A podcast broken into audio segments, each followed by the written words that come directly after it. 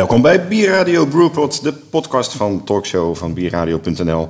Dit is een uh, maandelijkse podcast, steeds vanuit een andere brouwerij in Nederland of België, met steeds twee hoofdgasten. De brouwer of brouwmeester van de betreffende brouwerij en een, uh, een influencer, oftewel een blogger, vlogger of een andere invloedrijke persoon in de bierwereld. Mijn naam is Fedor Vogel, uitgever, hoofdredacteur van Biermagazine, Brouwmagazine en Bierradio.nl. En mijn sidekick en partner in crime is Ilko Weininga van Q Creative, mede-initiatiefnemer van Bierradio.nl. Bierradio Brewpot duurt ongeveer een uurtje, bestaat ruwweg uit vier vaste onderdelen. We beginnen met het laatste biernieuws, dat we bespreken met onze hoofdgasten. Daarna gaan we naar onze hoofdgast en dat is vandaag Ronald Mengering van de brouwerij De Dochter van de Korenaar, waar we vandaag te gast zijn. En die gaan we straks eens even stevig aan de tand voelen over zijn brouwerij en de visie op de biermarkt. En vervolgens gaan we naar de influencer. Ja, dat is vandaag wel een heel bijzonder geval. Dat is Dennis Kort. Die is namelijk uh, niet alleen uh, biersommelier, eigenaar van een aantal cafés. Hij is ook brouwer, huurbrouwer, productiebrouwer. Nou, daar gaan we het straks allemaal over hebben. maar hij is zeker een invloedrijk persoon, dus hij is zeker een influencer. En we eindigen met het laatste rondje, zoals elke week, met een aantal ludieke vragen. We gaan eerst maar eens beginnen met het laatste biernieuws. Bierradio.nl Biernieuws. Welkom uh, Ronald en uh, Dennis. Eerst maar eens even proosten. Uh, ja, ja. Want dat is toch wel, denk ik, een goede start van het programma. Oh. Wat, wat drinken we hier, Ronald? We drinken hier een, een heel licht bier van 3%. Passepartout. Alleen in dit geval anderhalf jaar gelagerd op houten vaten. Wat vrij, vrij bijzonder is voor een dergelijk licht bier. Dat kan je wel zeggen. Misschien wel het enige laag alcoholische houtgerijpte bier. Voor zover ik ken wel, maar ja. ik ken lang niet alle bieren. Nou, gaan we het straks uitgebreid over hebben. Eerst het uh, laatste biernieuws. Wat vonden jullie het uh, meest opmerkelijke biernieuws van de, de afgelopen weken? Dennis? Uh, Oedipus. Ik denk niet dat er een ander, ander ding is wat voor mij heel noemenswaardig was. Nee. Ja. En waarom vond je dat zo opmerkelijk? Ja, dat is natuurlijk een, een, super strategische keuze van, van Heineken om dat merk erbij te nemen en te ondersteunen. En uh, goed voorstander van ook trouwens, voordat uh, dat uh, een ding is. En zeker brouwerijen worden groter en overnames zijn dagelijks. Maar ja, ik vind het echt een ja, super idee vanuit Heineken en ook vanuit Oedipus een super verstandige keuze. Goede partner daarin, denk ik. En ik denk dat we heel veel gaan horen van Oedipus op landelijk niveau nou, in plaats van alleen in Amsterdam. Ronald, wat vind jij het meest opmerkelijke nieuws van de afgelopen weken? Ik moet eerlijk zeggen dat ik al het nieuws niet zo heel erg volg. Ik heb het redelijk druk hier met mijn eigen eigen brouwerijtje. Ehm, maar inderdaad, dat van Oedipus is, is wel nieuws wat ik, wat ik heb opgevangen en, en wat me is bijgebleven. Ja, ja.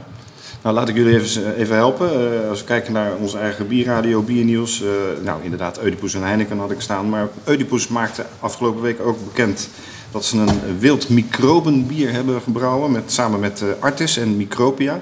Hebben jullie daar iets van meegekregen? Nope. Ze zijn uh, met, een, uh, met een, een, bioloog, geloof ik, door de dierentuin van Artes gelopen. Daar hebben ze wat hele bijzondere gisten uh, uit het olifantenpark en geloof ik, weet ik wat voor plekken allemaal weggehaald. en daar hebben ze een bier mee gebrouwen. Maar vinden jullie dat een mooi initiatief? Of is dit de invloed van Heineken? Dat denk ik niet. Dat denk ik ook niet. ja. ja, ik weet niet. Af en toe, af en toe kan, het, kan het blijkbaar niet gek genoeg zijn. En voor mij valt dit daar een beetje onder. Ja. Dennis zit heel bedenkelijk te kijken van wat zal ik hier nou eens van zeggen? Nou ja, ik, ik, ken heel veel van die verhalen van mensen die dan uh, gist gaan jagen in een bos en uh, van bepaalde stukken fruit of bepaalde dennennaalden. Ja, ik heb al verschillende vergiste bieren geproefd die niet ideaal waren en ook projecten die wel slagen. Dus het is een kwestie van inderdaad proberen. ja. Ander opmerkelijk nieuws vond ik uh, de eerste groep uh, diploma's, of de eerste groep uh, van de brouwopleiding van Stimon Lentes hebben de diploma's uitgereikt gekregen. Goede ontwikkeling dat er eindelijk in Nederland een, een, een brouwopleiding is? Zeker. Ik bedoel, uh, kennis, uh, als je kijkt naar het aantal brouwmeesters wat we in Nederland hebben, is uh, ja, twee handen te tellen. En iedereen die zich brouwer en brouwmeester noemt, met of zonder huurbrouwerij achter zijn naam, ja, is gewoon jammer dat die kennis gewoon mist. En zeker een brouwopleiding daar super cruciaal in, daar de volgende stap in te zetten. Ja. Ik weet niet wat ik, wat ik me moet voorstellen bij, bij, die, bij die brouwopleiding. Is dat, is dat mbo, is dat hogeschool? Is mbo 4 niveau is het. Uh, het is een, leerwerktraject. Dus ze werken uh, uit mijn hoofd gezegd vier dagen en één dag uh, naar school. Hm. En dan een tweejarige opleiding uit mijn hoofd gezegd. Zoiets was er toch al op de, op in, ergens in Heerenveen of Leeuwarden? dacht ik. Dat, je, dat je ook... Maar of die dan ook officieel een, een Brouwtechniek. Brouwdiploma mochten krijgen, dat volgens mij niet. En dat is nu wel het verschil. Dus het is wel een soort van officiële eerste brouwopleiding, wat ik begrepen heb. Lijkt mij een goede zaak dan. Ja. Is dat in, in België ook, eh, dat soort dingen? we Eh, we ja, weten natuurlijk. Gent, want ja, Ja. We, we zien jou natuurlijk als een halve Belg. Eh, dat zijn universitaire opleidingen. Ja. Ja. Want hebben die mensen een baangarantie als ze van het mbo komen? Nou, dat staat daar denk ik los van. Dat, Ja. heb je, dat had ik vroeger ook niet toen ik op de EO zat. had ik ook geen baangarantie. Dat- Het is tegenwoordig wel het ding hoor. Dat je, Ja? ja, Nou ja, ze- het zijn natuurlijk wel eh, jongens en meisjes die allemaal bij een brouwerij werken. En eh, daar eh, zeg maar een leerwerktraject doen. En vaak blijven hangen. Dus het, het zou, zo, zou kunnen. Maar ik denk dat dat meer van de brouwer afhankelijk is dan van de, van de opleiding. En van de toekomst van de markt. Ook, ja. Nou daar gaan we het zo eh, zeker ook nog over hebben. Oersoep, nieuwe crowdfunding eh, actie. Ja, hilarisch. Punten voor Kik. eh, en, ja, nee, ik vond het echt leuk. Leuk gedaan. Ja. Leg uit. Voor de mensen die het niet eh, Oh ja, ehm, eh, ze hadden het eh, een beetje zitten teasen. Al, eigenlijk op MBF zijn ze er al mee begonnen. Met, oh ja, we zijn zo groot aan het worden. En we moeten toch binnenkort eens gaan nadenken over partners waar we mee gaan samenwerken. En dan zijn ze op social media gaan posten van... Ja, wat in de wandelgangen gezegd wordt is waar. We worden overgenomen. En aanstaande vrijdag onthullen het. en dan met zo'n super slecht filmpje van... we gaan crowdfunding doen. Ja, ik vond het lachen. Waarderen. En iedereen, gewoon een aantal reacties wat je zag met... Oh, dat moet Bavaria zijn. Nee, dat zou wel eh naast Winkels. Nou, misschien is het toch Heineken. Ja, gewoon humor, zeker. Ja, de, de humor is leuk, maar wat vinden we, Ronald, van, van, van een eh, volgende crowdfunding actie? En dan met name bij een brouwerij als Oersoep, die, waarvan je zou verwachten dat die toch al wat gesetteld zouden zijn. En die dan toch weer geld op gaan halen in de markt. Ik ben, ik ben persoonlijk geen, geen groot voorstander van crowdfunding acties. Ehm, ik kan ook niet, eigenlijk niet precies aangeven waarom. Waarschijnlijk voor mezelf omdat ik niet die verantwoording wil afleggen naar eh, ik weet niet hoeveel honderden andere mensen toe. Ehm, nee, ik zou het... En het moet toch terugbetaald worden. Ja, uiteindelijk, Uiteindelijk, denk ik wel. Ja. Het goede nieuws denk ik is wel dat Oersoep wil blijven in die eh, eh, fabriek, die voormalige soepfabriek. En daar willen ze met name geld voor ophalen om dat verder te kunnen ontwikkelen, begreep ik. Dus dat, dat is denk ik wel een mooi ding, toch? Ja, mooi terrein. Ja. Nog meer nieuws? Ik ga er binnenkort eens een keer kijken. want Moet je doen. Ik ben, er- ben, ben er nog steeds nooit geweest. Volgens mij hebben we het nieuws gehad, eh Ilko. We gaan door naar onze hoofdgast. Kijk ook op bierradio.nl voor het laatste biernieuws. Ja, en eh, zoals al eh, kort aangekondigd, we zijn vandaag te gast bij Brouwerij De Dochter van de Korenaar in het verre België. Nou ja, dat wil zeggen in, eh in Baarle-Hertog, een kleine eh, Belgische enclave in eh, Nederland. Dat zeg ik toch goed, hè? Zo is het toch? Of is het een Nederlandse enclave in België? Ehm, je hebt zowel Belgische enclaves die in Nederland liggen, als ook weer stukjes Nederland die in een Belgische enclave liggen. Waar liggen jullie? Dit is een Belgische enclave. Ja. Ja. En vandaar dat jij een Belgische brouwerij bent tegenwoordig. Ja, ja. Nou, misschien gelijk een mooi bruggetje naar eh, eh, de geschiedenis van de brouwerij. Jij komt zelf uit Groningen, notabene. Daar heb ik lang gewoond. Ik ben er niet geboren, maar nou. ik heb er twaalf jaar gewoond. Ja. En daar ben je volgens mij begonnen met brouwen. Ja, klopt. Vertel eens. Ehm, nou, ik deed daar eigenlijk een studie sociale geografie. Ehm, maar dat was al niet mijn eerste keus. Dat was een beetje een soort tweede keusstudie. En eh, toen ik eh, in het tweede jaar zat eh, en wat oneenigheid kreeg met een professor, toen heb ik eigenlijk de stoute schoenen aangetrokken en gezegd van jongens, ik stop hiermee en ik begin een brouwerij. Ik, ik was al vanaf mijn vijftiende eh hobbybrouwer. En Groningen had ik al wel gemerkt, eh, was een belangrijke horecastad. En ook, ook vanuit het verleden was het een grote brouwerstad. Dus die interesse die was er al wel. En toen ben ik gaan kijken of het, of het eventueel mogelijk zou zijn om daar een klein brouwerijtje te starten. En dan praat je over 1980 of zo? 84, 84. 84, 85. Nog voor de grote uh, craftbeer-revolutie in Nederland eigenlijk. Ja, ik geloof dat de Raaf een anderhalve maand eerder op de markt kwam dan Ja. mijn brouwerijtje. Ja. Alleen ja, ik liep toen over van enthousiasme en zeker niet over van kapitaal. En een brouwerijtje is toch een redelijk kapitaalsintensief bedrijf. En als je geluk hebt, dan maak je na anderhalf jaar een beetje winst. Alleen, ik was toen wat kortzichtiger en ik denk van, oh, ik heb een brouwerijtje staan en ik kan produceren en dan maak ik winst en dan kan ik verder draaien. Helaas was dat niet zo. Nee. Maar hoe ben je dan uiteindelijk van Groningen in Baarle-Hertog verzeld Ik geraakt? ben, ben daar nog jarenlang blijven hangen eh, in, een- in, in een poging die brouwerij weer nieuw leven in te blazen.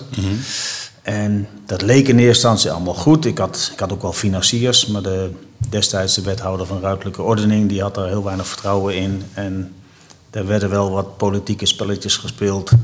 Waardoor ik eh, na een aantal jaren eh, toch maar voor mezelf de conclusie moest trekken van ja, ik, ik moet daarmee stoppen. Ik moet hier gewoon weggaan uit Groningen.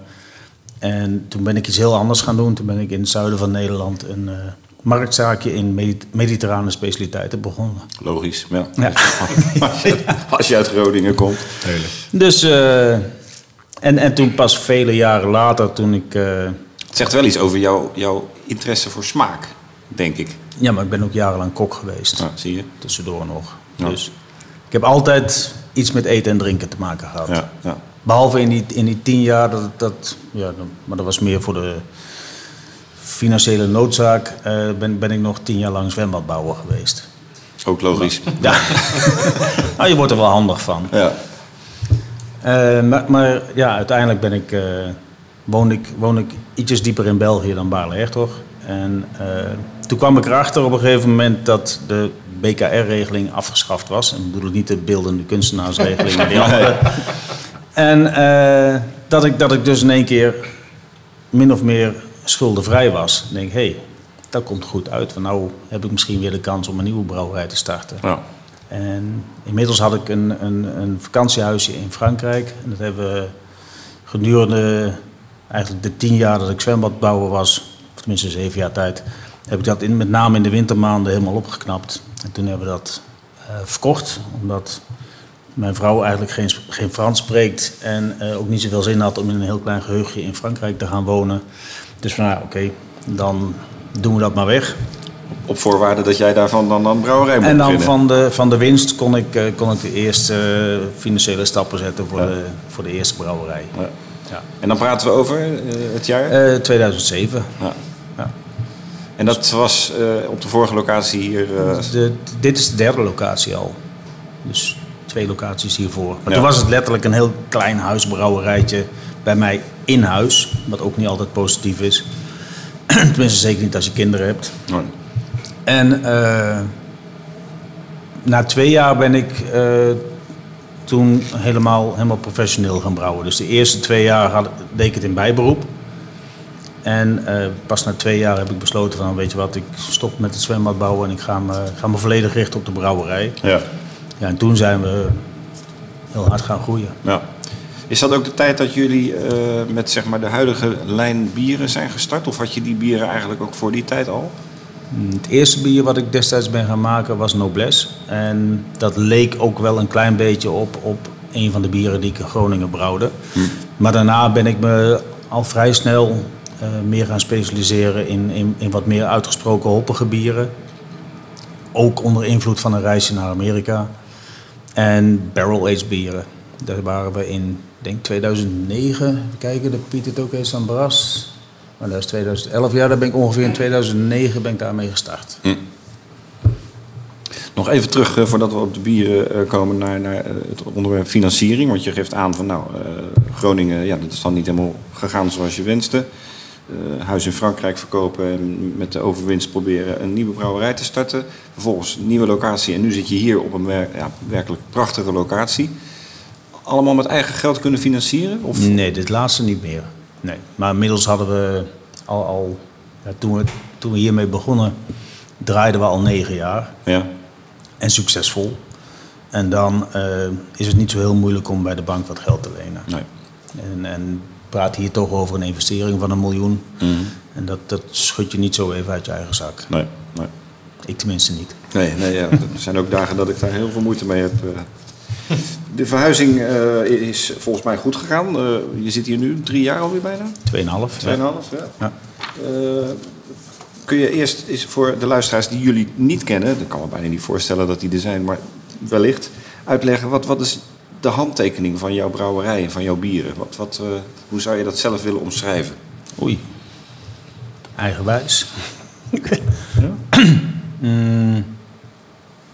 ja, ik, als, als ik als ik een bier maak, probeer ik wel altijd een bier te maken wat, wat in principe nog niet echt op de markt aanwezig is. Wel, wel iets nieuws. Ik zie, eh, ik zie er weinig heil in om, om een zoveelste dubbel of triple of quadruppel te maken. Dus dat is, dat is al een beetje één ding. Eh, plus dat veel van mijn bieren een beetje tussenstijlen in liggen. Dat is niet altijd even makkelijk, want als je dan een bier opstuurt naar een wedstrijd, dan valt hij er ook heel snel buiten. Buiten de categorie. En verder maak ik puur moutbieren. Dus ik geloof niet in het, eh, in het toevoegen van suiker. Ook niet om het bier zogenaamd lichter verteerbaar te maken. Wat heel veel collega's wel eens, eh, wel eens beweren. Eh, ik denk dat het voornamelijk een kostenkwestie is. Mout is, mout is aanzienlijk duurder dan suiker. Ja. Alleen suiker levert alleen maar alcohol en koolzuurgas op en Ja. weinig smaak. Ja. En mout wel. En ik probeer wel voor smaakvolle bieren te gaan. Volgens mij lukt je dat wel. eh, maar Ja, ik denk het wel. Eh, Het verhaal hou- houtrijping is denk ik ook wel eh, ja, redelijk uniek. Ik denk dat jij, je gaf het net al aan, 2009, maar jij bent misschien wel samen met Menno Olivier en, en Lodewijk Swinkels de, de, een van de eerste Nederlanders die Ja. echt zo, zo grote schaal met houtrijping eh, bezig was. Mm, ik kan het nog sterker zeggen. In, in, in Groningen destijds waren mijn lage vaten waren houten vaten. Ja, Waar, ik, waar ik mee werkte. ja, Dus toen heb ik al de nodige ervaring opgedaan. ja. Heb je, had je ook in die tijd al contact met, met bijvoorbeeld Menno en Lodewijk? Lodewijk is daar natuurlijk bij, bij La Trappe al heel vroeg mee gestart. Nee, ik, ben, ik ben een stukje ouder. Nou, Dus, ja. dus ik, loop al, ja, ik loop al ietsjes langer mee. Ja. En Lodewijk zat toen volgens mij nog ergens op eh Doemens. Of, of, nee, ik denk nog ineens. Eh, ik denk dat hij toen nog bij, eh, bij Bavaria werkte. Hm. En Menno, die was denk ik wel toen al bezig. Eh, ook In later. 84? Nee, nee, nee. Nee, nee. nee. Een stuk later. Ja. Nou, dus we, gaan, we trekken hier de conclusie dat jij de eerste Nederlandse brouwer bent met houtrijping. Waarschijnlijk wel, ja. Nou, Hoe, hoe oud was je toen in eh, Groningen toen je daarmee bezig was? Toen was ik 21. 21. 21, 22. Ja. Misschien iets te jong. maar tijd ver vooruit geweest. Ehm, wat kan er allemaal fout gaan bij houtrijping? Wij zijn hier pas met een, met een grote groep eh, langs geweest en heb je een, ja, een prachtig college gegeven over eh, hoe jij met houtrijping omgaat. Dat hele college kunnen we niet in deze uitzending eh, gaan doen, want dat, hoewel dat best interessant zou zijn. Maar probeer eens in het kort de do's en don'ts en, en met name de tips en tricks eh, te geven die, die bij houtrijping belangrijk ik, zijn. moet ik al mijn geheimen gaan verraden? Eh, ja, kijk, als je, het, als je het simpel wil houden, dan, dan neem je gewoon sterke drankvaten, dus whiskyvaten, jenevervaten, cognacvaten, en je zorgt dat die vers zijn. En dan is het alleen een kwestie van het juiste bier uitzoeken bij het juiste vat. Ja. En als je die match weet te maken, dan is 1 en 1 niet 2, maar dan wordt dat 4 of 5 of 6. Ja. En als je het moeilijker wil doen, en op een gegeven moment wil je dat, dan, dan, eh, dan ga je werken met wijnvaten of met nieuw hout. Maar dan kom je in een andere categorie, want die vaten zijn niet steriel. En er zitten ook vaak nog andere gisten in. En als je, als je zure bieren wil maken, maakt dat niet zo heel veel uit. Maar als je niet wil dat je bieren zuur worden, dan zul je een manier moeten vinden om die vaten te steriliseren. En dan liefst op een dusdanige manier dat je eh, de smaak van het vat eh, nog behoudt. Als je, als je een rode wijnvat gebruikt, dan wil je ook graag dat, dat, dat die smaak van die rode wijn erin terugkomt. Dus je kunt ze niet gaan, gaan, gaan uitwassen met water van 80, 90 graden. Of toch zeker geen, geen grote hoeveelheden. Dus dat betekent dat er in het hout nog, mi- nog microben blijven zitten. Die het bier potentieel zuur zouden kunnen maken. En dan, eh, ja, dan, dan krijg je andere tactieken. Ja, ik, werk ja. dan, ik werk dan eigenlijk met ozon. Ozon is, is, eh, is dodelijk voor allerlei bacteriën en, en, en schimmels. En eh, aan de andere kant is het ook heel makkelijk afbreekbaar. Dus als je een vat behandelt met ozon, dan eh, krijg je een redelijk steriel vat. Eh, je kunt daar veilig, veilig bier op steken. Alleen het duurt lang, steriliseren met ozon. Als je een wat ouder vat hebt, kan dat wel tot drie, vier dagen duren. Maar op- op de termijn van houtrijping is dat, is dat natuurlijk weer helemaal niks. Nee, dat klopt. Maar dan heb je een hoop ozonizators nodig. Als, Ja. jij, als je 20 vaten wil vullen, Ja, ja, ja, ja. dan... eh, en, ja.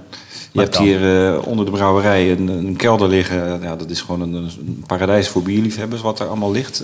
Eh, hoeveel, hoeveel vaten liggen daar nu op dit Ik moment? denk nu op dit moment 350 tot 360. Ongelooflijk, hè? Ja, en, eh, Ja. Vertel eens even heel in het kort wat daar ligt. Want Daar er ligt echt alles door elkaar. Ja, nou, het, het ligt wel netjes- redelijk, redelijk bij elkaar hoor. Dat wel bedoel ik. daar heb ik vaten liggen uit Pouligny Montrachet, dat is witte Bourgogne. Ik heb Brunello vaten liggen, zowel van Banfi als van Casanova di Neri. Ik heb whiskyvaten, ik heb Pietet whiskyvaten, dus Isla whiskyvaten. Ik heb Jenever vaten. Ehm, ik heb natuurlijk een aantal nieuwe houten vaten. Ook rum dingen. Nee, nee. Lijkt me ook geen super combinatie. Er zijn wel brouwers die daarmee hebben geëxperimenteerd volgens mij. Ik maar- heb wel eens een bier geproefd wat volgens zeggen op rumvaten gelegen had. Maar eerlijk gezegd proefde ik daar niet zo heel veel van. nee. Wat is eh, in jouw optiek de, de mooiste combinatie? Wijn, whisky, eh, port? eh, wat, wat, is, wat leent zich het beste om bier te laten rijpen? Eerlijk? Ik Nieuw. Nieuw oud. Nieuwhout, ja? Ja. ja. Vind ik persoonlijk het mooiste. Het heeft de meeste complexiteit. Mhm. Ehm, alhoewel ik toch ook moet zeggen dat die witte Bourgognevaten... dat daar ook wel heel aangenaam bier van afkomt. Hm. Maar dat wordt het toch ietsje zuurder van. En het, en het, en het nieuwe eikenhout, dat, dat, ja, dat geeft gewoon hele mooie vanilletoetsen. Ja. Maar dat zijn langdurige eh, experimenten die, die eigenlijk nog steeds lopen. Want je kunt natuurlijk eh, Franse eikenvaten kopen, je kunt Amerikaanse eiken kopen, je kunt Balkan eiken kopen. En dan heb je light toast, medium toast, heavy toast, charred vaten. En ieder experiment duurt minimaal zo'n anderhalf jaar. Dus je bent al jaren en jaren verder voordat je ieder bier eh, op het juiste vat hebt laten rijpen. En dan zit je ook nog met je rijpingsduur. Ja. Een half jaar is meestal te kort. Een jaar komt in de buurt. Soms moet het anderhalf jaar zijn. Dus dat zijn allemaal dingen Heel die, veel aspecten die erbij komen onvervindelijk eigenlijk nog steeds uitgevonden moeten worden. En dan heb je nog het verhaal, eh, hoe kom je aan je vaten? Omdat jij een van de eerste was, heb je goede contacten, eh, vertelde je ooit. Ja, Dus dat is een, een pre, maar het is niet gemakkelijk om eh, aan vaten te komen. Ja, inmiddels zijn er een, een aardig aantal opportu- opportunistische bedrijven die her en der alle vaten opkopen en Ja. dan voor belachelijke bedragen weer te koop aanbieden. Ja. En ik weet dat er, dat er een hoop brouwers zijn die daarin stinken, zeg maar. En, Ja. die, en die vaten kopen voor, voor Te veel. 250, 300 euro. Ja. Eh, als je de juiste connecties hebt, kun je ze zelf een stuk, een stuk voordeliger vinden. En vaak ook verser. Hm. Dat is ook wel van belang. En dat die, dat, die, dat die vaten zo duur zijn, is er waarschijnlijk ook de reden van dat heel veel van mijn collega's, als ze dan al zoiets doen, eh, die vaten tot wel drie keer gebruiken. Ja. En dan- dan, dan heeft dat niet veel nut meer. Ik bedoel, als jij een whiskyvat voor de derde keer gaat vullen, ja, sorry, maar dan proef je weinig whisky meer terug. nee. Nou, een flesje whisky erbij. Ja, ja dat kan. Je zou, zijn, niet, je zou, niet, zou niet de enige er zijn brouwerij zijn. brouwerijen, Whisky infused. er zijn brouwerijen die whisky bij hun bier gooien. Ja, dat kan. Maar, maar gebruik je hem één keer dan, het vat? Of hoe, eh, Ja, ik gebruik de meeste vaten maar één keer.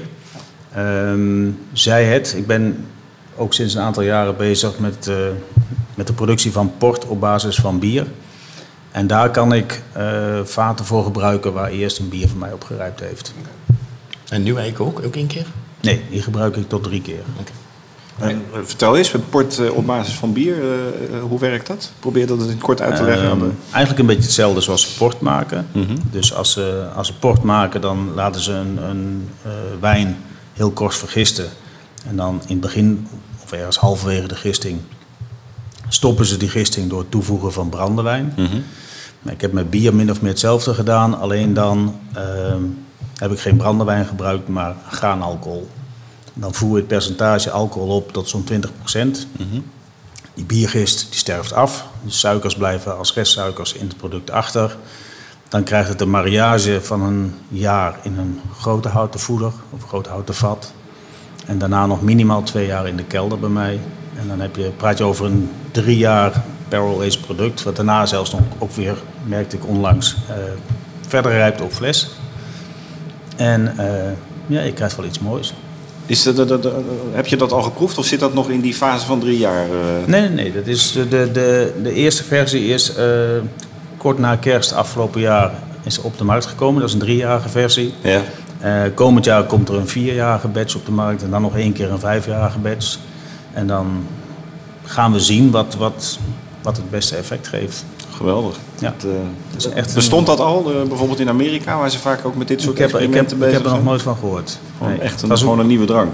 het was ook niet echt makkelijk om die vergunning te krijgen. Nee. En, eh, dus ik hoef ook niet zo bang voor te zijn dat, dat een hoop andere brouwers dat gaan doen. nee. Maar het is wel een vrij uniek product. Ja, ja, ja. Hoe komen mensen daar aan? Want, eh, je moet best wel wat moeite soms doen om aan jullie bieren ook te komen. Je kan hierheen komen, er zijn wat winkels, maar het is niet... eh, je houdt het redelijk exclusief ook wel volgens mij, toch? Niet expres. Oké. oké. Ehm, Ik dacht dat het een keuze was om ook echt te kiezen Nou, waar jullie ja. te koop zijn. Wij kiezen ervoor voorlopig om eh, niet echt aan supermarktketens te gaan leveren. Eh, dus we leveren via beter of liever via de bierhandel en de biergroothandel dan dat we ons bier in de supermarkten zien staan. En dat heeft een reden. Ik, ik, eh, ik ben van mening dat, dat eh, in een supermarkt eh, de mensen vaak niet weten wat ze kopen. Ze kopen iets op basis van een etiketje of een naam. En als ze dan iets kopen wat tegenvalt, dan vind ik dat zowel voor die mensen als uiteindelijk ook weer voor mij, vind ik dat jammer. En als het gewoon bij een, bij een ervaren slijter of bierhandelaar kopen, dan krijgen ze in ieder geval wat uitleg. Hou je bijvoorbeeld niet van een bitter bier, ja, koop dan geen IPA. Mooi. Ja, Over eh, marketing en verkoop gesproken. eh, eh, jouw vrouw werkt al heel lang in de brouwerij. Die zit met name in het commerciële stuk, toch? Hè? De marketing en de verkoop. Mm, ja, marketing doen we eigenlijk niet. Nee, maar oké. De namen doen anders vermoeden, want eh, het zijn zulke mooie namen van de bieren. Ja, daar lig ik soms wel nachtenlang wakker van. Als, ik, als, ik, een- en als ik met een nieuw bier kom en ik heb een naam nodig, dan moet dat inderdaad wel perfect kloppen bij het bier. En dan zoek ik net zo lang door tot, totdat ik het heb. Ik had ooit een, eh, heel lang geleden een, een, een baas en die zei altijd van... als marketing niet meer helpt, dan gaan we gewoon weer lekker verkopen. Dat is eigenlijk wat jullie doen. Gewoon goede producten maken en ze verkopen. alhoewel we nu wel op een, op een schaal zijn aangekomen dat we toch zitten te denken van hebben we niet een buitendienstmedewerker nodig of iemand die iets in de vertegenwoordiging gaat doen. Ja. Eh, maar anders vrees ik dat we stil blijven staan. Ja, ja. En stilstand is achteruitgang, heb ik wel eens gehoord. Ja. Dus dat, eh, ja. Maar, maar jouw vrouw zit dan met name in de bestellingen, de finan- financiële administratie. eh, Ja, dat, ja, dat. ja. Het manage van alles eigenlijk. En jullie hebben drie kinderen. Ja. Hebben die al enige interesse in het familiebedrijf? Nou ja, de Of, eh, oudste die drinkt inmiddels wel bier. Dat wel. Die is nu 13 of... eh, Nee, die is 20. Blijft België, hè? Ja. Maar die houdt al een tijdje van bier. Maar Ja. eerder, eerder dan nog niet mijn bieren, maar inmiddels ook mijn bieren. Mhm. toch, een, toch een redelijk aantal al. Eh, en en die, die werkt in de horeca. Altijd dus goed. uiteindelijk komt dat misschien nog wel eens de goede kant op. Hm. Maar ik vind eigenlijk dat hij eerst wel eens een beetje werkervaring ergens anders mag opdoen. Ja. En, eh, dus hij gaat, nou, hij gaat binnenkort nog naar Italië. Gaat hij bij een biergroothandel, bierimporteur, gaat hij een maandje werken. Oh, wat goed. En dan eh, ja, een klein beetje ervaring opdoen. Hm. En mijn oudste dochter die zit meer eh, iets, iets te zoeken in, in... Ah, trouwens, nee, die gaat naar school voor logistiek. Die is net klaar met de HAVO. Dus dat kan ook wel handig worden. toch wel redelijk dat samenvalt. En mijn jongste dochter, eh, als, er, als er ergens een brouwertje tussen zit... dan, dan denk ik dat zij dat zou... eh. Zou kunnen zijn. En die is nu hoe oud? die is nu 14. Gaaf. Ja. Die heeft echt interesse in het hele proces. En, eh, Nou, die heeft met name interesse in alles wat met mengen en roeren te maken heeft. ja, ja, ja, ja. Dus eh, ja. Even voor de luisteraar, we zitten echt midden in de brouwerij. Dus je hoort af en toe wat aanslaan en geluiden. En eh, net werd er een levering opgehaald. Dus eh, het leven in de brouwerij. Alleen maar prima. Ja. Dat eh, vinden wij juist leuk. Het Zeker. mag gehoord worden. Eh, jullie ontvangen veel groepen, eh, voor, voor- met name in het weekend. Eh, vind je dat leuk om te doen? En, en hoe belangrijk is dat voor een brouwerij? Ook, ook commercieel gezien met het winkeltje erbij. Vind ik dat leuk om te doen. Dat hangt heel, sterk van de groep af.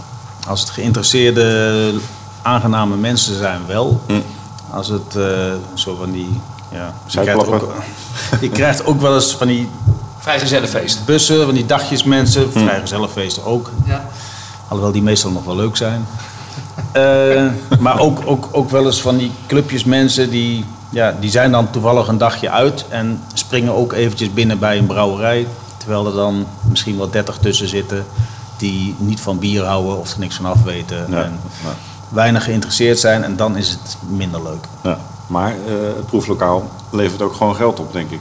Eh, Daar gaan we, daar gaan we binnenkort nou eens eindelijk eh, helemaal, helemaal uitzoeken. Ja. Het kost ook geld natuurlijk, want ik ga niet zelf achter de bar staan. Daar ben ik niet het juiste type voor, of niet meer in ieder geval. Ik heb dat vroeger wel veel gedaan, maar...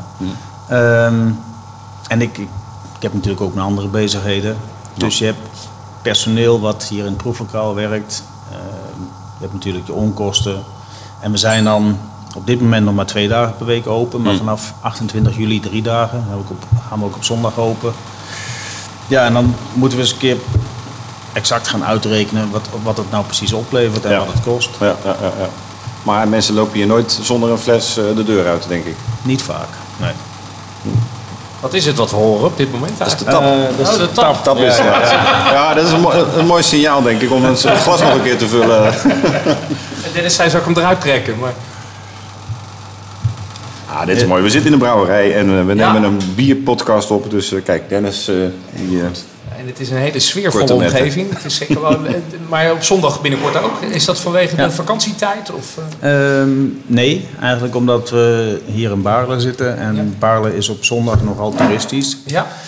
Eh, en, ik, en ik gok erop dat er tussen, tussen die toeristen er ook nog wel een aantal bierliefhebbers zitten. Plus, plus het feno- fenomeen wat je hier in het Brabantse land hebt. Op, op eh, zondagochtend zijn er hele grote groepen Fietsers. mannen die op een racefiets Ja, stappen. ja. En dan eh, een half uurtje of een uurtje gaan rijden. Dan naar de dichtstbijzijnde kroeg rijden. Daar op het terras neerstrijken. Een paar pinten drinken. En dan weer terug naar moeders de vrouw. Van, ik heb heel de ochtend gefietst. ja. Eh, als we daar een paar groepen van zouden mee- kunnen meepikken, is dat ook, Ja, eh, ook nou, prima. Dat is wel lucratief, denk ik. Hoe eh, wordt er in de Belgische bierwereld tegen jullie aangekeken? Want jij bent natuurlijk een Hollander. eh, Ja. Maar ja. Ja. je bent echt een Belgische brouwer. Zo, zo, zo, zo verkoop je je naar buiten toe ook. Eh, hoe hoe Ja, vindt zo men voel ik me jullie? ook wel. Je bent een vreemde eend in de bijt als het Ja. gaat. Zeker, zeker de eerste jaren ehm, vond men mij waarschijnlijk inderdaad een beetje vreemd. En ik denk ook niet dat ik echt geaccepteerd was als, als Belgisch brouwer. Ik herinner mij nog goed de allereerste keer dat ik naar het Citos Festival ging. En niemand ook maar iets tegen me zei. Oeh, ik voel, me niet echt heel erg welkom hier. Nee, nee, nee. En inmiddels eh, denk ik eh, dat het eerder, eerder andersom is. Ik heb, ik heb, ik heb goede vrienden tussen de, tussen de Belgische brouwers. En ik Noem er eens een paar. Hoft en Doormaal. eh, dat, André zijn- Janssens. Ja, Ja. Dat, zijn, dat zijn goede vrienden van ons. Ja, en de meeste, meeste andere, andere eh, brouwers wel van... Ook wel, ook wel uit de Walen van, van Brouwerij Minne. Hm. Eh, ja, de meeste, de meeste ken ik wel in ieder geval. En ze kennen mij ook allemaal. Beetje hetzelfde type brouwers Eh, ook, denk ik. Ja. Brouwerij Het Nest, hier vlakbij. Ja. ja. Ehm, ja, en, en, ik, en ik merk ook wel, mensen, daar hoor ik wel eens, dat ik toch op mijn eigen manier ook wel de jonge generatie Belgische brouwers, eh, Brouwerij Totem bijvoorbeeld, eh Doc, eh, ook, ook wel in meer of min- mindere mate geïnspireerd heb. Dat vind ik ook wel weer vlijend. Ja, zeker. Een Nederlander die de Belgische biercultuur helpt. Ja, ja nou helpen. Inspireert. ja, ja. Toch, toch in ieder geval een, een, een zekere invloed heeft. Hoe dat genoemd hebbende, hoe kijk je aan tegen de, de, de craft beer scene, zowel in Nederland als in België? Want die verschillen natuurlijk nogal. Hmm, ik weet niet of het enorm veel verschilt. Zij dat de meeste Belgische brouwers iets voorzichtiger zijn. En eh, ja, minder, minder extreem uitwassen eh, doet dan, dan, dan je soms wel eens in Nederland merkt. Ik denk dat Nederland meer zoals de Amerikaanse markt is. Ehm, en, eh, en de meeste Belgische brouwers ehm, proberen toch, net als ik eigenlijk, in eerste instantie bier te maken wat goed drinkbaar is. Hm. En dan ben ik dan nog een van de meer extremere brouwers. Eh alhoewel ik dat zelf wel vind meevallen. Maar... En, en ehm, ja, dat, je zou kunnen zeggen dat ze, dat ze iets, iets behoudender zijn. Maar dat is de Belgische natuur ook. Een Belg kijkt, kijkt de kat iets meer uit de boom. Ja, maar eh, de Nederlandse biercultuur, de, de craft beer scene, eh, ik bedoel, Ik ken er, ik ken er een paar, Ja. maar dat zijn meer de, de wat oud-gedienden. Eh, Maar jullie hadden een uh, taptek over bij de Kaapse een paar weken Ja, geleden. ja, ja, ja. Dat was wel een mooie combi eigenlijk tussen twee, eh, toch ook wel weer verschillende brouwers. Hoe, hoe komt dat zo? Waar, mm, nou, het leek mij een heel leuk uitstapje. ja. Het was En prachtig dat, weer. en dat was het ook. We hebben daar geslapen op die SS Rotterdam. Dat Ja, was, geweldig. Dat was echt fantastisch. Eh, en ik moet zeggen dat de ervaring daar bij de Kaapse Brouwers... eh, als, als je zelf een proeflokaal hebt en je ziet dat daar... dan werkt dat ook wel weer inspirerend. Dan denk je van, hm, ik doe iets niet helemaal goed. Maar, of zij doen het heel erg goed.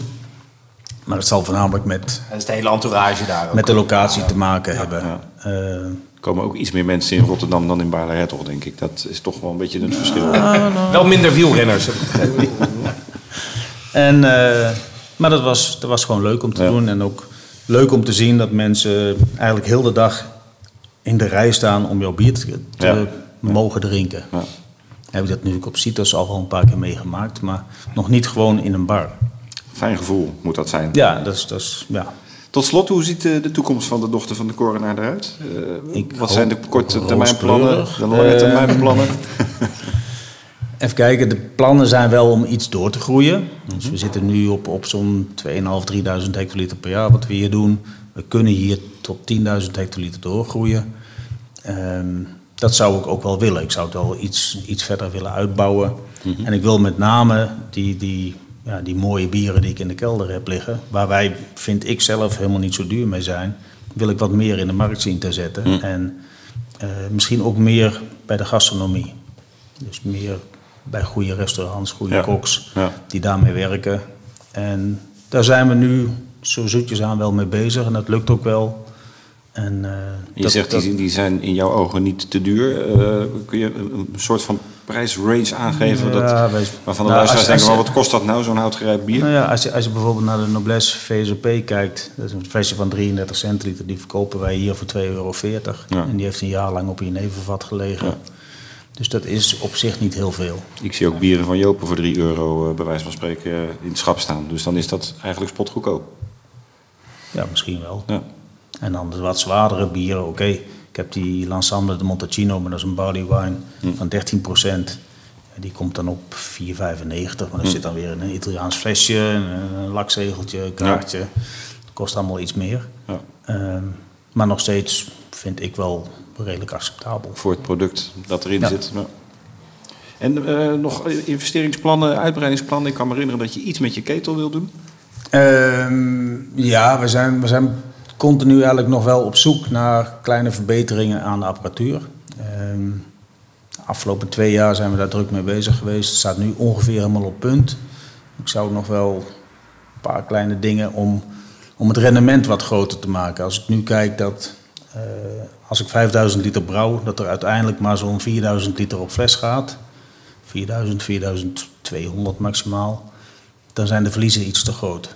En dat wil ik zien terug te dringen. En daar zijn we met bepaalde filtertechnieken zijn we, zijn we aan het kijken of dat mogelijk is. Nou, het moet eigenlijk toch niet boven de 10, boven de 10% uitkomen.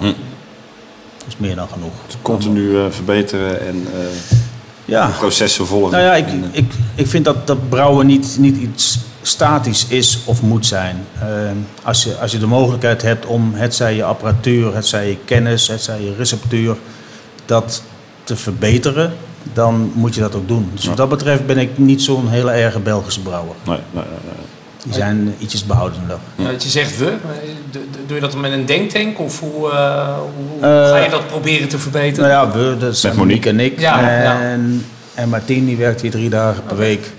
En eh, ja, we denken eigenlijk met z'n allen wel. En een, en een aantal vrienden en kennissen. Waarmee we hier eh, meestal iedere vrijdagmiddag wel een paar potjes bier drinken. Ja, daar zitten soms ook best wel slimme mensen tussen. Ja.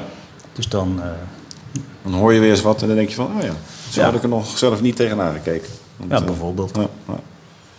Kortom, wij gaan nog eh, veel horen van eh, Ja, de dochter slik, van de slik de glazen nog eens vullen dan. Ah, wat een fantastisch idee. Met dit of met iets anders? Verras ons met iets moois. En dan gaan wij Oké. verder met Dennis.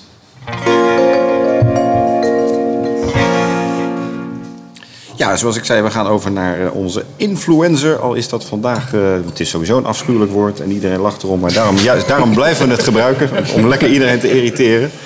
Maar eh, dat komt natuurlijk een beetje voort uit de bloggers en de vloggers... die dan in het vak zogenaamd influencer worden genoemd. Waar het ons om gaat is, we willen graag gasten aan tafel... die invloed uitoefenen op de biermarkt. Dennis Kort, welkom ook jij in Bierradio Brewpot. Jij bent wat ons betreft zo'n eh, zo'n influencer, want jij doet van alles in de bierwereld. Eh, je bent biersommelier, je bent eigenaar inmiddels van drie cafés en je bent brouwer. Ja. Wat van die, welke van die drie is eigenlijk jouw hoofdtaak, functie? Eh, mijn hoofdtaak is en blijft eh vooralsnog brouwen. En dat doe ik voor Oldschool in Eindhoven, Witte Konijn in Amersfoort, CC in Arnhem. En hier en daar nog wat andere projecten waar eh, niet mijn naam 1, 2, 3 op staat, maar waar ik wel nog aan bijdraag en eh, aan meewerk. Dus dat is de hoofdtaak. En eh hetgeen wat ik het leukste vind is natuurlijk het sommelierwerk. Eh, twee keer per jaar een, weekje op een cruise ship zitten, mensen entertainen. Als maîtres die werken voor Concours Mondiaal met Brussels Beer Challenge en dat soort dingen. Dat, dat, dat zijn de dingen waar ik het meeste energie van krijg. En eh, Ja. de leukste jobs zijn om te doen natuurlijk. Dat, eh, Waar is het ooit fout gegaan bij jou? Ik bedoel, waar is de liefde voor bier ontstaan? Eh, dat is een superleuke vraag. Ehm, ik denk dat nu 11, 12 jaar geleden ben ik begonnen. En eh, dat is, ben eigenlijk de overstap. Ik was helemaal gek van zuivel. Dat vond ik super. En retail, ook echt geweldig. En daar wou ik, eigenlijk, ik zag mij als category manager eh, ergens bij een eh, Albert Heijn of een eh, C1000 destijds wel, leek me super. ja. En op één stage bij een brouwerij en ik was klaar met Campina. Het was, het was over, de liefde voor zuivel en het was de liefde voor bier. En Maar, maar ik neem aan dat je daarvoor wel al biergenieter was? Of, of dronk je toen eigenlijk nog amper bier? ik dronk wel bier. Eh, van, van mijn vader thuis zeker mo- moest dat in Zuid-Limburg. Ehm, maar nee, het is echt het, de, de liefde voor handgemaakt en klein kwam naar de hand. Op dat moment, voordat ik bij de brouwerij ging werken, dronk ik zeg maar eerder een, eh, een, een Duvel of een Rochefort, zeg maar. ja, eh, dan dat ik iets van Nederlandse makelarij eh, dronk. En dat is door Christoffel daarna wel helemaal gewijzigd. Ja, want bij Christoffel ben je vertegenwoordiger geweest of Ja, brouwer? ik heb marketing en sales gedaan daar. ja. En tot het moment dat het daar ophield? Of was je al eerder weg? Nee, de, ehm, ik wou sowieso mijn studie afmaken. Dus ik ben nog op buitenlandse stage tussen aanhalingstekens geweest eh, op het eiland Texel. Ja. Als Zuid-Limburger. Waarop eh, toen ik op het eiland aankwam ook zo weer vast van... eh, Dat ze je daar binnengelaten Ja, hebben, precies. Nee, maar ook op het moment dat je binnenkomt is het zo van... Nee, je bent aangenomen. Iemand die dit al de moeite doet voor hier een sollicitatiegesprek... Ja, ja. dan ben je echt, spoor je gewoon niet. Nee, dat, eh, dat klopt. Dat deed ik ook zeker niet. Nog steeds niet. En ehm, ja, met, met, met Christoffel, ik weet niet, ja... Het, het is echt gewoon blijven hangen. En, en, en de, de, de, ik kwam nadat ik van het eiland afkwam, ben ik terug daar gegaan. En ja, begin met eh, ja, toch ook weer, ik kwam universiteit ook afmaken. En dat was toch met een 40-urige baan. eh, en ik werkte toen ook nog in de slijterij. En ik, dus ik had al drie banen. En dan ook nog de unie afmaken, dat was tegelijk wat veel. Dus ik eh, toch helaas moeten stoppen bij de brouwerij. En eh, ja, eerst toch gefocust gehouden op mijn, op mijn unie. En eh, wanneer is toen, ben je toen eerst Stimul gaan doen? Of wat, wat, is toen de, vol- de- wat is de volgende stap zeg maar, in, Kijk, je eh, bierontwikkeling? eh, ja, ik ben de eerste lichting van eh, Oostenrijk geweest. Hè. Toen, Ja. met 25, 24 was ik toen. de eerste van de jongste. van Nederland. Ja, ja. dat is een jongste ter wereld destijds. Ja. Ehm, ja, dus dat zit in diezelfde tijd dat ik klaar was bij de Unie. En toen dacht ik, wat ga ik doen? En toen dacht ik, wel oldschool brewery starten. Dat is leuk. Samen met Steve Gamage toen eh, de eerste batch op de markt gebracht. Van een Bronkhorster. Ook gebrouwen bij Bronkhorst. Ja.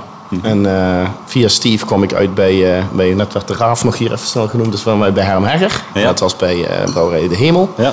Maximus, eh, bij Jopen, Ramses. Flinke lijst ondertussen geworden. Ja. En eh, de productie bleef maar groeien. En na de hand ben ik gestopt met het voeren van de naam Oldschool Brewery, maar de naam ik Oldschool. En ik focus op Rheineske Boot Klassiek. Hetzelfde dat, als eh, was- eh, meneer Mengerik hier met zijn geweldige moutverhaal. Ja, daar word ik heel enthousiast van als, eh, als iemand dat doet. Dat was ook een van mijn volgende vragen inderdaad. Van waarom, waarom kies jij voor die, voor die pure bieren, die reinheidskaboot bieren? Wat, wat, wat, is jouw filosofie daarachter? En, wat- Ja, de- en, en ook jouw voorliefde voor Duitse bieren bijvoorbeeld. Ja, ja Duits en Engels. En, eh. Alleen heel vaak, omdat het zo vaak mij in de lederhozen ergens gespot wordt, denken mensen dat het altijd alleen maar Duits is. En omdat reinheidsgebod natuurlijk een Duits woord is. Maar de Britten zijn natuurlijk hetzelfde. Ja. En ehm, dat die brouwfilosofie van puur en eerlijke bieren maken, ja, ik kan het niet zo mooi verwoorden als eh, mijn collega van Dochter van de Corona net, maar ja, je maakt een bier leeg op het moment dat je met suiker gaat brouwen. Ehm, bier, het is, een, het is een prijskeuze, het is een keuze voor doordringbaarheid te genereren, het is een keuze om een stukje ziel weg te halen bij een bier eh, ten koste van productie. En eh, ehm, je, je hoort net het woord rendement en je hoort filtertechnieken en hij moet 10% meer draaien. Hoe simpel is het om Ja. gewoon wat suiker te laten komen Ja. en hij heeft zijn rendement. Maar dan ga je concessies doen aan je kwaliteit. En, Ja? en dat wil je niet. Nee, ik, ik, hij ook niet, ik ook niet. En dat zijn, dat zijn dingen waar ik eh, heilig in geloof. En het kruidenverhaal is iets wat ik persoonlijk niet lekker vind. En daarnaast, ik, ik vind dat je als brouwer bier moet maken waar je altijd een tweede van wil willen. Ja. En eh, hoe extreem mijn bieren ook zijn, ehm, hoe graag of wat ik ook maak, alles moet uit een halve liter Ja. kunnen drinken. Ja. En het maakt niet uit of het een dubbel IPA is van 10% of maakt echt niks uit. Barrel aged, maakt niks uit. Alles moet uit een halve liter drinkbaar zijn. Mooie filosofie. En eh, inmiddels heb je er drie cafés bij. Hoe is dat dan weer gegaan? Ja, ja nou dat is eh, gelukkig niet alleen ik, want dat was onmogelijk geweest. Nee, het is, eh, de, de, de eer gaat zeker uit naar de andere heren waarmee ik werk. En ja, van het een komt het ander. Een stap die ik 3,5 jaar geleden eh, heb gezet. En eigenlijk veel eerder had moeten doen, maar ook als iemand anders me niet had gevraagd, was ik het ook niet gaan doen. Nee. Dus niet uit mezelf. Ik had het druk genoeg met, met het brouwen en het sommelierschap. Dus Maar je bent wel mede-eigenaar eh, van die cafés. En, en jij zit er met name voor de bierfilosofie. Moet ik dat zo zien? Ja, we hebben bij de ene is het echt eh, we hebben hele vreemde constructies in alle drie de zaken die Ja. niet gelijk zijn. Nee. Maar eh, het verschilt van het eh, Heineken spelen en de, de, de tap en alles wat je ziet is van Dennis tot alleen de voorraad wordt beheerd door Dennis tot wat voor manier. En ik probeer eigenlijk met verschillende ondernemers een uniek horecaconcept neer te zetten en hun daarin volledig te ondersteunen. Daar waar ik vroeger eh, 160 klanten met oldschool door heel Nederland beleverde, zijn dat er nu 30. Maar ik kan wel met alle 30 A, ik kan op vakantie. B, eh, eh, op het moment dat er iets geregeld moet worden, sta ik voor ze klaar. En ik kan ook meedenken, ik kan product huisbieren maken, dat soort dingen. Dus ik probeer echt met de ondernemers samen te werken om iets eh, moois neer te zetten. Ja. Over iets moois neerzetten gesproken. Dat heeft Ronald inmiddels gedaan. Er staan hier acht glazen voor ons. Ronald, leg eens even uit wat jij eh, eh, ons voorgeschoteld hebt. Nou ja, af- afgelopen winter eh, heb ik een beetje de stoute schoenen aangetrokken door voor het eerst in, in mijn leven een eh, lager te brouwen. En eh, eigenlijk om mijn brouwerij een beetje uit te testen en mijn eigen skills. Want iedere eh, zichzelf benoemende craft beer brouwer die schopt altijd om het hardst tegen de brouwindustrie aan. Eh, maar het is niet simpel om een goede lager te brouwen. En ik wou kijken of ik, voordat ik zelf allemaal commentaar heb op de brouwindustrie, of ik het zelf beter kon. Dus dat is eh Claire geworden, dry hop lager. Prachtig, heerlijk. Eh, ja, redelijk foutloos, denk Ja. ik. Ja. En eh, in, in dat andere kleine glaasje, of in ieder geval waar een bodempje in zit, daar zit die port op bierbasis in waar ik het over had. Wat een fantastische geur. Ja, het is radio, maar we proberen het eh, te omschrijven. Dennis, jij als, als biersommelier, wat, probeer jij eens te omschrijven wat wij in dit, in dit glas... In, in het glasport, ja, ik, ik begin natuurlijk met Claire, want eh, eh, mijn complimenten. Echt, wat een fantastisch eh, eh, lager. En eh, inderdaad, om hoe crisp en hoe ehm, bitter je iets kan maken terwijl het wel doordrinkbaar is, wat ik net zeg. Dus belangrijk dat je een tweede wil. Nou, ik wil echt dadelijk nog een tweede. complimenten. En dan inderdaad de port, ja. ehm, we hebben echt veel eh eh, Madeira, ehm, eh, reactie, eh Maillard-reactie. Ehm, er zit wel een behoorlijk oxidatie, eh portoxidatie eh, in. En Ja, dat, eh, eerder, eerder, eerder Madeira nog dan port. Ja. Ben ik een beetje eens. om, eh, ja, en de smaak krijg je dan inderdaad tonen van, eh, van rozijnen. Je krijgt tonen van, van chocola. Eh, ik denk gedroogd fruit. Ik denk aan dadels. Ik denk Noten. Noten, ja. Zeker. Het is geweldig mooi. Het is echt... Ja, mega complex. Maar bijzonder. alcoholpercentage is ook erg hoog, zei je? 20? Eh, waarschijnlijk nu nog zo'n 19. 19, bam. Ja. Nu nog zo'n 19. Ja, dat klinkt redelijk eh, prachtig. Nou ja, het is met 20% het vat ingegaan. En Ja. na drie jaar Ja. gok ik dat er een procentje verdwenen is. Ja, ja. Ik moet hem nog laten testen. Maar Je mag, je mag een procentje afwijken. Hè? Het is eh, bijzonder smaakvol. Nog even kort terug naar Dennis. Eh, je bent ook nog eens op de achtergrond actief bij eh, een aantal bierwedstrijden. Eh, Brussels Beer Challenge, Dutch Beer Challenge. Wat, wat doe je daar precies? Ehm, ja, dus eh, het, het aansturen van het team voor te serveren als, als hoofdbediening, dus als maître. En aan de andere kant voor Brussels Beer Challenge hou ik ook mee met de promotie en dat soort zaken in, in België en Nederland. Mooi. Ja. We hebben jou nu hier naartoe gehaald in onze uitzending als, als influencer. Wat, wat, wat, hoe zie jij jouzelf als beïnvloeder in de bierwereld? Wat, wat, wat Nee, zou een je... hele eer. In ieder geval dat je me vraagt, eh, dat je dat ook be- benoemt. Eh, nee, ja, ik, ik, ik, ik weet niet of ik zoveel invloed heb. Ik probeer voornamelijk een middel te zijn voor, voor een andere ondernemer... om hem te kunnen laten doen wat hij wil... en zodat hij zijn publiek kan beïnvloeden. Ik zal met oldschool nooit naar de eindconsument proberen uit te reiken... en zeggen van, oh, we gaan Reinheidsgebouw drinken of zo. Nee, ik probeer met andere brouwers die te, te helpen promoten, die mooie bieren maken. Ik probeer aan de hand daarvan mijn stempel op de wereld te drukken door gewoon te werken met merken en met ehm, bedrijven waar ik in geloof en die ook in mij eh, geloven. Dus dat, dat is het eigenlijk. Ja, ja, Ja. Dat, dat doe je goed, want het valt op en eh, Nou, dank je hebt veel, eh, veel kwaliteit. Dank Dennis. Eh, we gaan door naar het laatste rondje.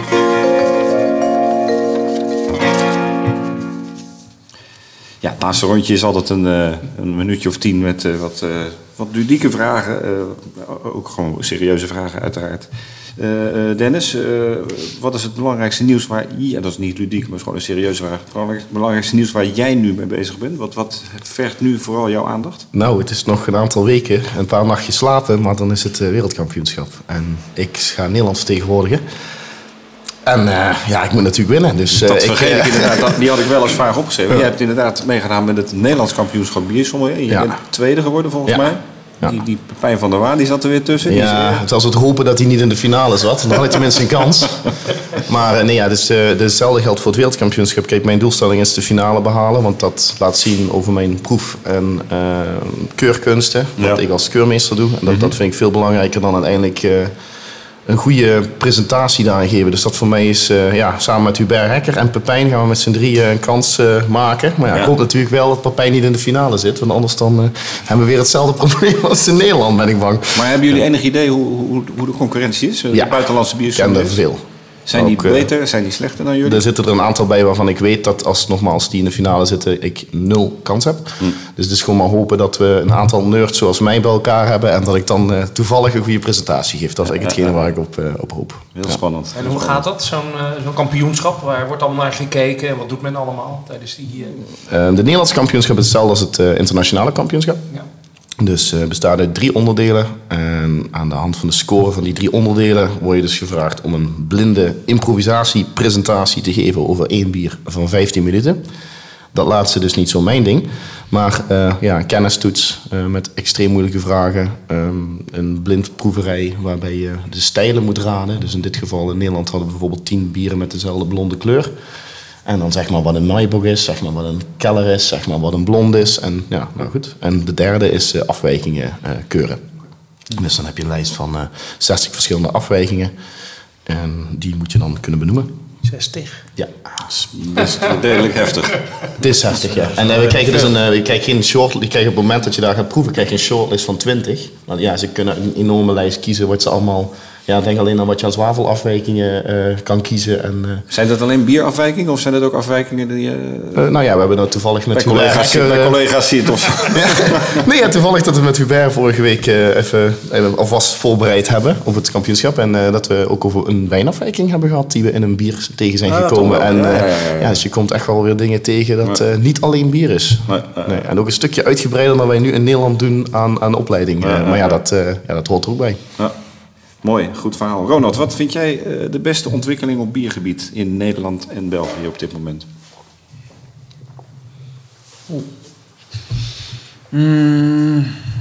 De beste ontwikkeling. Dat er toch meer en meer eh, geprobeerd wordt om, om smaakvolle, niet al te zware bieren te maken. Dat vind ik persoonlijk wel. De laag alcoholische trend. Ja, maar ook weer niet te laag. Nee. Ook, ook, ook zeker niet alcoholvrij. Ik ben, ben als, als, als brouwer geen, geen liefhebber of voorstander van alcoholvrij bier. Ehm, maar de laag alcoholische bieren, en dan met name laag alcoholische bieren met veel smaak, zoals de Engelsen dat al jarenlang kunnen. Ja. Niet altijd doen, maar toch wel kunnen. Ehm, dat, dat vind ik wel een leuke ontwikkeling. Ja, absoluut. Dennis en Ronald, welke brouwer of brouwster verdient volgens jullie meer aandacht of is onderbelicht? In met name Nederland en België. Voor België eh, zou ik zeggen ehm, De La Seine.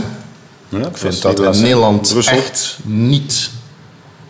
België hebben ze wel natuurlijk een goede naam, maar in Nederland echt eh, niet te veel eh, bereikt wordt. En de bieren vind ik goed. Prachtig. Ja. En Nederland is een moeilijke. Ja, in Nederland zou natuurlijk Mommerite eh, een nummer 1 voor mij zijn. Maar dat eh, denk ik met mij vele andere brouwers in Nederland die dat vinden. Maar goed, aan de andere kant is het fijn dat ze niet te veel aangeraden worden. Want als ik er dan eens een keer ben, kan ik tenminste een keer een kratje of tien meenemen. Want anders is het altijd op. Dus eh, nee, eh, zeker. eh, Ja, nou, helemaal met je eens. Ik ben wel eens tijdens een oktoberfest geweest. En dan loopt iedereen daar ook in lederhozen. En eh, erg leuk. oh, het kellerbier van hun. Oh, wat Ja, het is geweldig. Vrouwen van Gamsbergen. Oh, Maar ze kunnen gewoon allebei heel goed brouwen, hè, die twee. Dat is fantastisch. Maar heel nuchter. Heel, eh ja, Soms- soms Ja. heel nuchter. Nou ja, goed. wel. Ronald, jij? je hebt even de tijd gehad om na te denken. Ik zag Ja, ja, ja. Eh, ik, ben, ik, ben, ik ben zelf wel liefhebber van de bieren van eh, Brouwerij Totem. Mhm. Zei het dat ze nooit twee keer hetzelfde maken, dus dat is dan wel weer jammer. Want als je denkt van, hé, hey, dat vond ik een lekker bier. Heb je daar nog eens een glas van of een flesje, dan is het op. Ja, Eh Suiven in België vind ik ook best goed. ja. onder Brugge. Eh, ja. Pas drie jaar bestaan gevierd. ja, Gaan heel hard, hè, die jongens.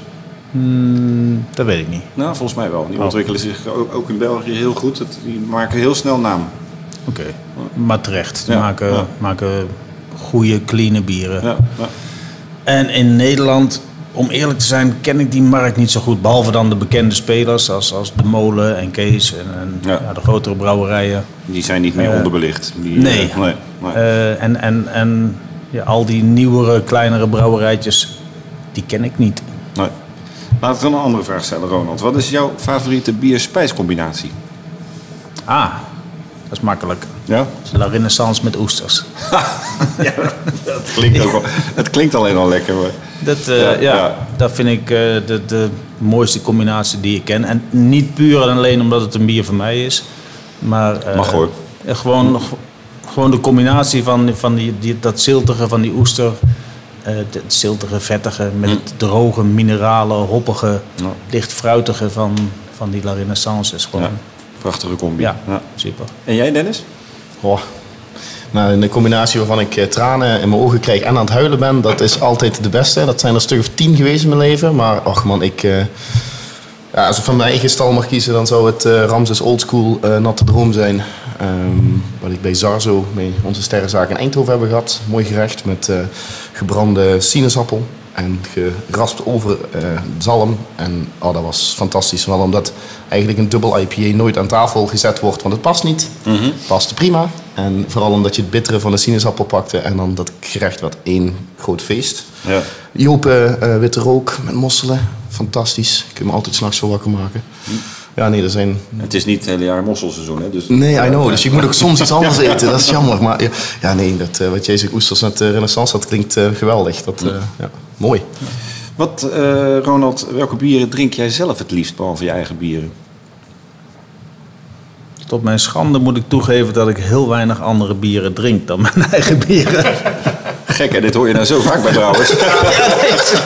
High five. Ja, sorry. Eh, nee, is natuurlijk. Nee, maar ik, ik, ik, ik kom ook helemaal niet overal. Ik ben, Nee, je bent ik gewoon aan het werk. Ja, Ja. ik ben gewoon aan het werk. En als ik, als ik weg ben, dan sta ik meestal op een festival. En dan proef je wel eens wat van andere brouwers. Maar Hm. eh, heel vaak is dat ergens in het buitenland of ken ik de brouwerij niet. En denk ik van, oh ja, dat is wel een aardig bier, maar Hm. dat blijft niet hangen op Vergeet of je het ook weer. Ja. Ja. En jij, Dennis? Ja, eh, ik ben een groot fan van eh Duits Pils. Mooi spul, kleine brouwerijen. Drink ik heel erg graag. Ik drink graag Weizenbock en Weizen. Vergist, traditioneel. En eh, eigenlijk alles wat eh, Brits en brown ale is op 4, 5, 6 procent. Fantastisch. Dat vind ik allemaal eh, iets waar ik een tweede van neem, blijf ik bij. En als brouwer maak ik inderdaad ook wat ik zelf lekker vind. Ja. Dus ja, dat, helaas verval ik veel terug in het bestellen van hetzelfde bier. Nou, dat doe je goed. Dat doe je goed. Ronald, welke muziek beluister jij het liefst? ofwel tijdens het brouwen, ofwel tijdens het bier drinken? Want wij zijn natuurlijk een bierradiozender, dus we moeten het ook een beetje over muziek En hebben. wie weet kunnen we wat tips meenemen. Nou, inderdaad. Gaan we het programmeren. Ja. Ja, ik, ik, ik hou van allerlei soorten muziek wel een beetje. Het is niet echt, echt één, één, één bepaalde muzieksoort, alhoewel eh, eh, be- beetje licht punkachtig eh, kan me wel bekoren, beetje, beetje funk. Eh, dus de Pokes bijvoorbeeld Ja, vind, ik, eh, vind ik wel aangename muziek. Ehm, hoe heette die mafkezen met die trompetten toch ook alweer? Eh, Madness. Madness. Ja. Ja, ja, ja. Dat, dat zijn wel, wel dingetjes waar ik eh, moeilijk van kan blijven stilstaan. Mooi, mooi. En jij Dennis, ik denk bij jou is het van die Duitse hoenpapa muziek waarschijnlijk? Nou, als ik een white maak, zeker weten. Zeker weten. Nee, vooral heel thematisch. We hebben laatst een Franse, Franse IPA gebrouwen met, met wat heren. En eh, ook de hele dag alleen maar non en dat soort eh, verschrikkelijke dingen op de radio gaat. Nee, dit is heel thematisch. En van Marilyn Manson en Metallica, als we een dubbel IPA maken, tot, tot inderdaad Duitse hoenpapa muziek. Echt geen grap. Op het moment dat het de white is, zeker. Ja, ja, ja. Ja, prachtig.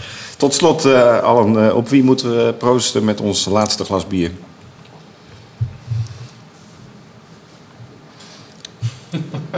Ik op mijn eh, twee eh, mede-collega's die meereizen naar Italië natuurlijk. Dat, eh, ik hoop dat we een van onze kans maken om de titel naar Nederland gaan halen. Heel goed, heel goed. En jij, Ik Ronald? troost op mijn vrouw die eh, hier, hier een van de minst eervolle baantjes heeft, maar wel eh, een van de lastigste.